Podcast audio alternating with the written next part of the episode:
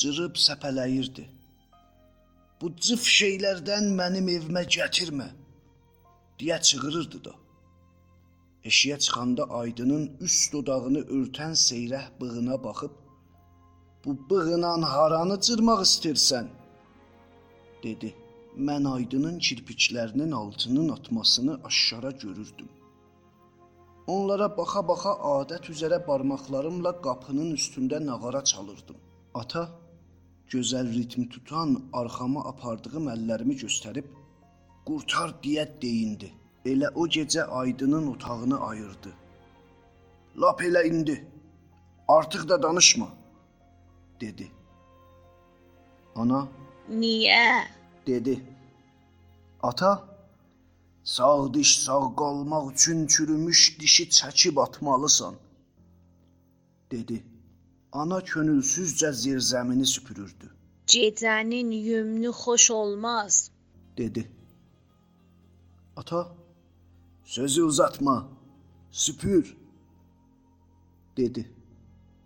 Elə o gecə ana bir qalı salıb Aydının təxtini oraya qoydu. Həyətdən 7 pillə otağa enirdi. Şehli və qaranlıq idi. Sirkə ilə qora suyunun qoxusunu verirdi. Ata sürəkli adam imkanlarından faydalanmalıdır deyirdi. Onun üçün haman gecə taxtımı pəncərənin qırağına aparıb göyün ənginliyinə daldım. Sanki ulduzlar çoxalmışdılar. Püncün tüstüsü borudan burulub çıxırdı. Yəqin sabah Tanrının qara qarqaları bu dağlar üstündə oturub qar, qar deyəcəkdilər. O gecə yuxuda ağacları qızıldan olan bir bağ gördüm. Küçəmiz genişlənmişdi. Pəncə düzəldən karxana çuxurluqdan yuxarı gəlib yer ilən bir boyda olmuşdu. Qırmızı şirvanisi var idi. Mən də dərs oxuyurdum. Sonra gördüm ölmüşəm. Səhər yuxumu anaya danışanda Uzun ömrün vardı nənə. dedi. Qar iki qat olmuşdu.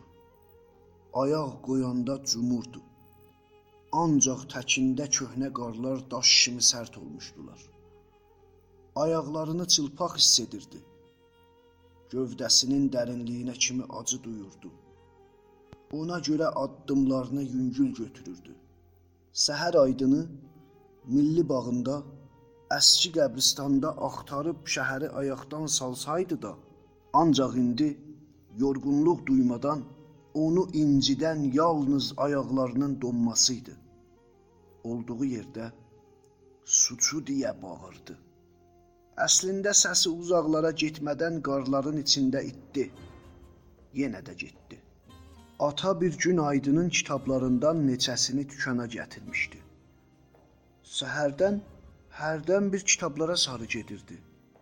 Varaqlayıb nə qədər oxuyurdu bir zad düşünmürdü. Kitabları saxladı. Pasiban Ayaz bir gün dükana gəlib "Ca bir tükümü oda tutubsan. Gəldim." dedi. Ata, vacib işim var idi deyə kitabları ona göstərdi. Bunlara bir bax, dedi. Hasban Ayaz kitabları aldı.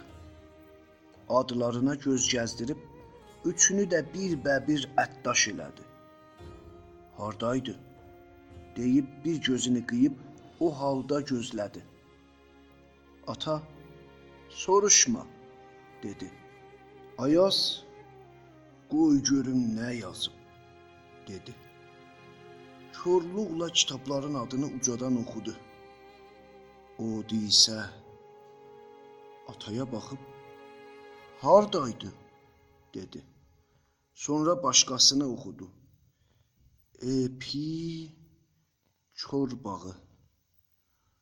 Üçüncüsünü oxumadı. Kimindi dedi. Ata Aydının dedi. Sənin Aydının ata nigaran idi. Hən, öz aydının, dedi. Ayaz Vay, vay, vay. Dedi. Ata, mən ondan taysız bir adam düzəltmək istəyirdim. Ancaq olmadı. Deyib əllərini ovuşdurdu. Epikor bağı haradır? deyə soruşdu. Ayaz, elə bədbəxtliyimiz burasındadır, dedi. Ata, hardadır? deyə soruşdu. Ayaz, pis zaman olub, dedi. Neçə an susub başını ataya yaxınladıb, eşitmisən kommunistlər bir yaşıl bağ düzəldib, orada cəmaətin cavanlarının aşığını uğurlayırlar, deyib üstə yemədən kitabları bir paçata qoyub şaşırdıcı hirs ilə getdi. Aparıram yox eləyəm, dedi. Ha belə aydından çox müğayət olmalıyıq, dedi. Ata, Allah səni bizə çox görməsin, dedi. Ayaz qapının qabağından qayıdıb başını tərpətdi. Başımı versəm də dostluq yolunda vermişəm, qardaş, dedi. Ata, Ayaz olmasaydı kimin vardı? dedi. Ata neçə an masa dalısında oturub başını aşağı saldı. Sonra Orhan düş yola dedi. Hara? dedim. Evə bir baş çəkək deyib şagirdləri işə salıb hər zada göz olmaqlarını tapşırdı. Papağını başına qoyub yola düşdük. Günün o zamanı ata heç vaxt evə getməzdi. Səhər saat 10 idi. Biz tələsik gedirdik. Nə edəcəyini bilmirdim. Evə yetişdikdə ata Aydın hardadır? deyə Aydadan soruşdu. Aydanın rəngi atmışdı. Dodaqları titrəyə-titrəyə bilmirəm dedi. Ata onu qırağa itələyib zerzəmiyə sarı getdi. Pillələrin başında durdu. Orhan deyə səsləndi. Mən qabağa qaçdım. Dəftər, dəstək, kitab, hər nə mənə var gətir eşiyə, dedi. Zerzəmiyə endim. Taxçanın üstündəki kitabları, dəftərləri, əl yazmaları, təxtin altında olan kitabların hamısını qucaq-qucaq eşiyə gətirib hovuzun qırağında ata barmağı ilə göstərən yerə tökürdüm. Aydanın əlindən bir iş gəlmədən pəncərə arxasında ağlayırdı. Ata elə qızmışdı, ana özünü göstərməyə cürət etmirdi. Yəqin bir yerdən bizi görürdü. Ata buralardaydı deyə soruşdu. Hə, dedim. Ata biraz nəft səpib mən də kibrit çəkdim. Nə də alov var idi. Varaqlar yaman burulurdu. Simitən bir adamın can verməyi kimi burulub çəkilirdi. Altın boyaqlı olurdu. Qumrallaşıb sonra qaralırdı. Ata gözünü odun içinə tikmişdi. Biraz diqqət edib Baba Guriyo. Orhan, bu Baba Guriyo deyil, dedi. Gördüm kitab taza alışıb. Niyə? deyə cavab verdim. Mən bunu qabaqca cırmamışdım, deyə soruşdu. Yenidən alıb, dedim. Mən də bir daha yox elərəm, dedi. Od söndükdən sonra küllərini yuyub dükana getdik. Ancaq həyətin təkinə düzülmüş dörd bucaqlı kərpişlərin üzərində qara ləkə qalmışdı. Sanki bir qara heyvanı arxası üstündə oraya sərmişdin. Ayda pəncərə arxasında durmuşdu. Sonra nə olacağını bilmirdi. Ata, hər nə olsa oldu, dedi. Aydın gecə hovuzun qırağında qara ləkəni görcək bir an orada dayandı. Sonra titrəyərək qorxa-qorxa zerzəmiyə yaxınlaşıb, adətinin tərsinə o gecə şam yeməyə gəlmədi. Mən yuxarıdan baxırdım. Öz otağına yetişdikdə işığı söndürdü. Güman edirəm yatdı. Şam yeyəndə Aydının süfrə başında olmasını kimsə istəmirdi. Uzaqdan yaşıl şurabili gördükdə ürəyi çırpınmağa başladı. Bu dönə aydını görsə nə hala düşəcəyini bilmirdi. Bu görüşün marağı, bir də donmuş ayaqlarının acısı birlikdə onu kardan salmışdı. Neçə addım önündə qar altında ölmüş şuranlığı gördü. Şuranlığın yanında daş səkmənin üstünü qar örtmüşdü. Aydın, çox sevərdim bu köçəri quşları uçub gəlib qıyıda oturardılar, deyirdi. Hansı qıyı? deyə soruşdum. Bu dəniz quşlarını görürsən? dedi. Daş səkmən üzərində oturub göyə baxırdı. Hansı quş? deyə soruşdum. Boynunda qara cizgi olan barış quşudur, deyib üz dolusu gülüşlə göydə bir cizgini seyr edirdi.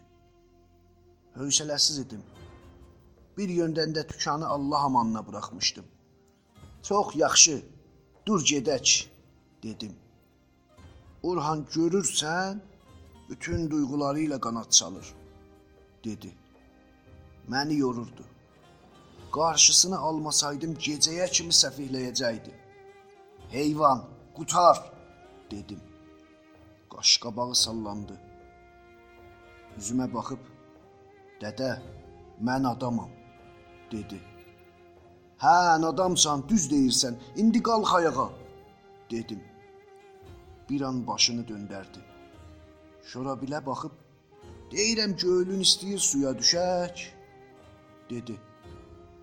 Günəşə bax, batmaqdadır. Gecə olmamış qayıtmalıyıq, dedim. Elə o zaman atanın diri olan illərini xatırladım. Gün batan çağları heç nəyə fikir etmədən özgürcə suya düşərdik. Aydın. Orhan, bax, nə heyvan, nə böcə, bu su artıq olan hər bir zadı qırağa atır.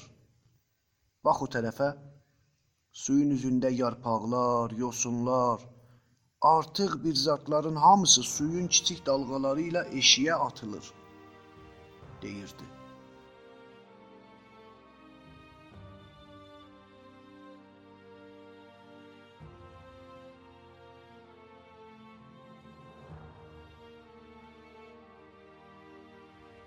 Ölülər Senfoniyası 1-ci çap. Yazar Abbas Marufi Çevirən Əhəd Fərəhməndi Düzənləyən Əli Səlmanzadə Səsləndirənlər Ağa Cabir Purbagiri Xanım Elnarə Hər zamanki kimi bizimlə olun. Bizim axağımızın adresi Dastanca D A S T A N C A